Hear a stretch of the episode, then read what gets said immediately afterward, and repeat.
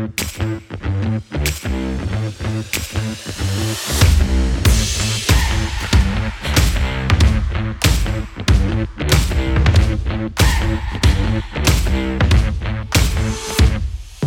Muy buenas amigos y amigas de Carcassonne Spain, jornada de la liga número 15. Comienzan los redobles de tambor. Vamos llegando a los últimos encuentros de esta competición online que organiza Carcassonne Spain y ya sabemos que Julián Apóstata se ha dado de baja en esta cuarta temporada y que Abonín 84 causará también baja al finalizar el torneo. Por tanto, es de esperar que no haya descensos directos al margen de estos dos jugadores. Tendremos, eso sí, cuatro puestos de promoción, que fluctuarán entre las posiciones 15 a la 18, quitando el puesto que ocupe Abonín. Los cinco primeros puestos por arriba, además, consiguen su ingreso en la lista de convocados para la selección nacional online. Vamos a ver los resultados de esta jornada y luego cómo está la tabla. En primer lugar, y para comenzar la semana con buen pie, personalmente tuve la fortuna de enfrentarme en el primer encuentro de esta jornada 15 contra Oscaridis, si la semana pasada no me salió bien la vacilada con Locuelo, en esta ocasión sí que conseguí la victoria ante el bicampeón de España de las ediciones 2021 y 2022. Oscar no estuvo muy acertado en este día y un servidor tuvo un poco de esa pizca de suerte que a veces se necesita. Por tanto, Depok iguala con 8 puntos a su contrincante y se mantiene en un grupo en el que también está Ciamat, que ha aplazado su duelo con Rakarot, que tiene 7 puntos, para este lunes 12 de febrero. Al igual que Stroncio, con 8 puntos, se ve las caras con su serio oponente de las tres ediciones anteriores, y que a día de hoy anda de capa caída, suponemos que por estrés laboral. Hablamos de Zocanero, Estroncio que anda haciendo una muy buena campaña de la Carcassonne Champions League organizada por Carcassonne Ucrania y próximamente la veremos enfrentarse a Lawyer, precisamente un jugador perteneciente al grupo gestor de este evento que una vez inventara el streamer francés Sir Madness TV. El duelo ante Zoka puede dar al traste con las aspiraciones de Estroncio de alcanzar a los dos primeros de cabeza, Gudul y Mick Crack, que esta semana próxima se enfrentan ante Locuelo y Matt Khan respectivamente, y que también ganaron esta jornada sus respectivos duelos. Y a tener en cuenta que estos dos cabezas del pelotón de élite se enfrentarán a cara o cruz en la última jornada de liga. Abonín 84 dio la sorpresa al vencer a Valle. Arturo, recientemente entrevistado en el podcast y que causará baja al finalizar la liga, no tira la toalla y dará guerra hasta el final. Y Valle, que se va afianzando a la parte baja de la clasificación y acabará jugando seguramente la promoción si no le pone remedio en las últimas jornadas. Espero que no sea la última porque juego contra ella. Texe, que también está abajo, resta aspiraciones a el Gran Ohio, que permanece en el enjambre de 8 puntos en el que hay 7 jugadores, del tercero al 9. Cada vez es más complicado alcanzar los dos primeros puestos a falta de dos jornadas, pero recordad que podemos tener un final apoteósico dada la igualdad sin par. Insisto que Gudul y Mikak tienen sendas jornadas de descanso, uno en la que viene esta semana y otro la siguiente, y se encontrarán a vida o muerte en la jornada que cierra la liga. Duelo catalán también entre Carquiñolis y Dadín SVH, que gana Miriam por la mínima, quien también se sube al carro de los 8 puntos. Y duelo en las bajuras entre dos andaluces, Camarés y Fisiquito 88, con victoria para el almeriense por 0 a 2. El semifinalista del pasado torneo nacional que derrota al cordobés, mi vecino Alberto, que tendrá que vérselas con toda seguridad ante un rival de segunda en la promoción, pues ya no alcanza para salvarse de la quema. Así, dicho esto, y con los encuentros mencionados de Ciamat y Racarot, y Estroncio contra Zocanero por disputar, además de otro entre el propio Fisiquito y Zocanero pendientes, tenemos el siguiente orden en la tabla clasificatoria.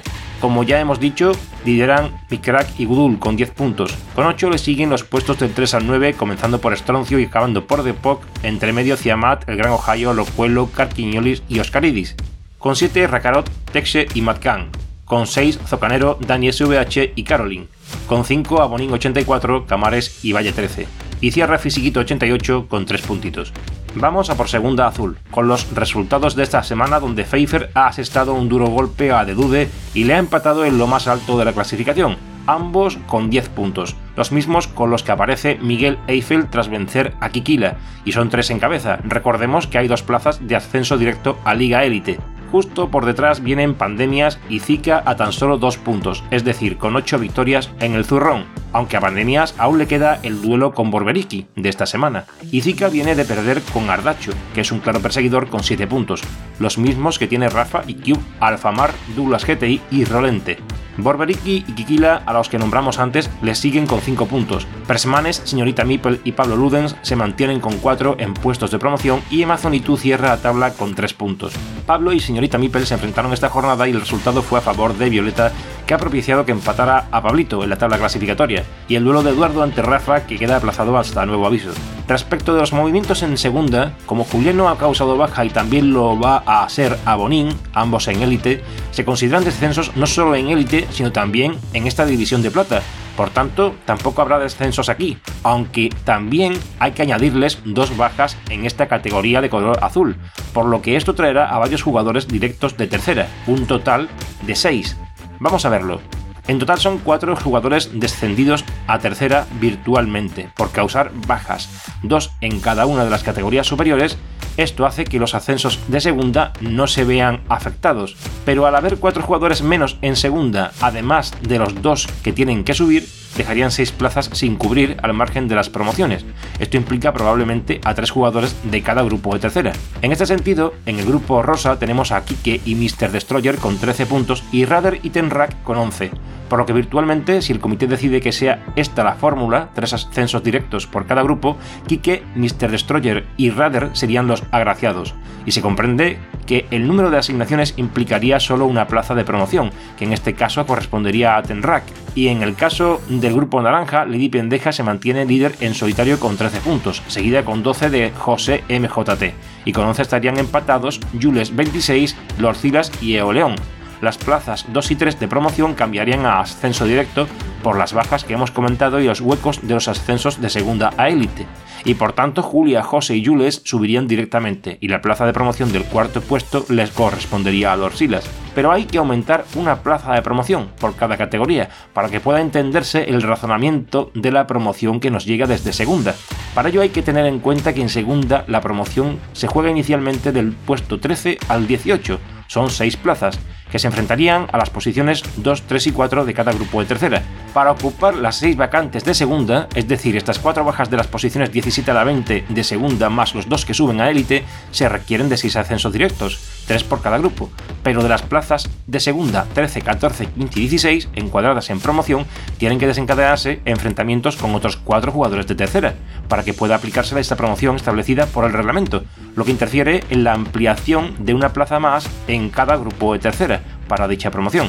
Esto es que Eoleón en el grupo naranja e Ibai B en el rosa entrarían a jugar esta promoción, que de inicio no estaba contemplada para el puesto quinto de la liga de tercera. Al fin y al cabo son las ampliaciones naturales de las dos personas que dejan élite y que incurren directamente en dos descensos directos. Siguiendo con los resultados en tercera, tenemos que Mr. Destroyer ha empatado a Kike tras ganar a Tofe 87 en su partida de esta semana, mientras que Kike, el líder, ha perdido nada más y nada menos que ante Don Quijote, colista junto a Crisis, esta última que volvió a perder esta vez ante Juan ZGZ. Don Quijote que deja a Shistu por debajo al caer este ante Superman, aunque ambos empatados a dos puntos. El resto de duelos en tercera rosa han sido Bugost contra Butron 1-2, de Gesenan y B, que están pendientes de juego, Rose contra Skate 2-0 para Rosana, Radar que te veo 2-0, Burrens el 10, otro juego sin fecha, Winroce Tenrak, la parejita de la semana, de Alia y Víctor, que gana Víctor por 0-2, y con 9 puntos de Skate 8 de Gesenan de Superman que te veo y Butron, 7 para el 10 y Winroce, 6 para Burrens y Tofe, 5 Rose, 2 Don Quixote y Shistu y cierra la tabla Crisis con un punto. Rosa Naranja, varias partidas sin disputarse de esta última jornada y algunas adelantadas de la siguiente, por lo que comentamos la clasificación. Como ya hemos comentado, Lady Pendeja con 13, José MJT con 12, Jules con 11, los mismos que tienen los Cilas y Eoleón, con 9 Vanessa y Pilar, con 8 Kaiman Kai y Shumi92, Big Beat y The Parient con 7, con 6 Hebai, Duroemon con 4, Paco con 3, igual que Josanalu, Jesús RG y Pibe 1976, Cristina Huertas con 2 y Diana D con 1 cierra la tabla de este grupo naranja. Recordemos que quedan 3 jornadas de liga y hay que apretar, está todo por decidir. Buena suerte y hasta el próximo episodio de la liga, ya queda poco. Nos vemos en el próximo episodio.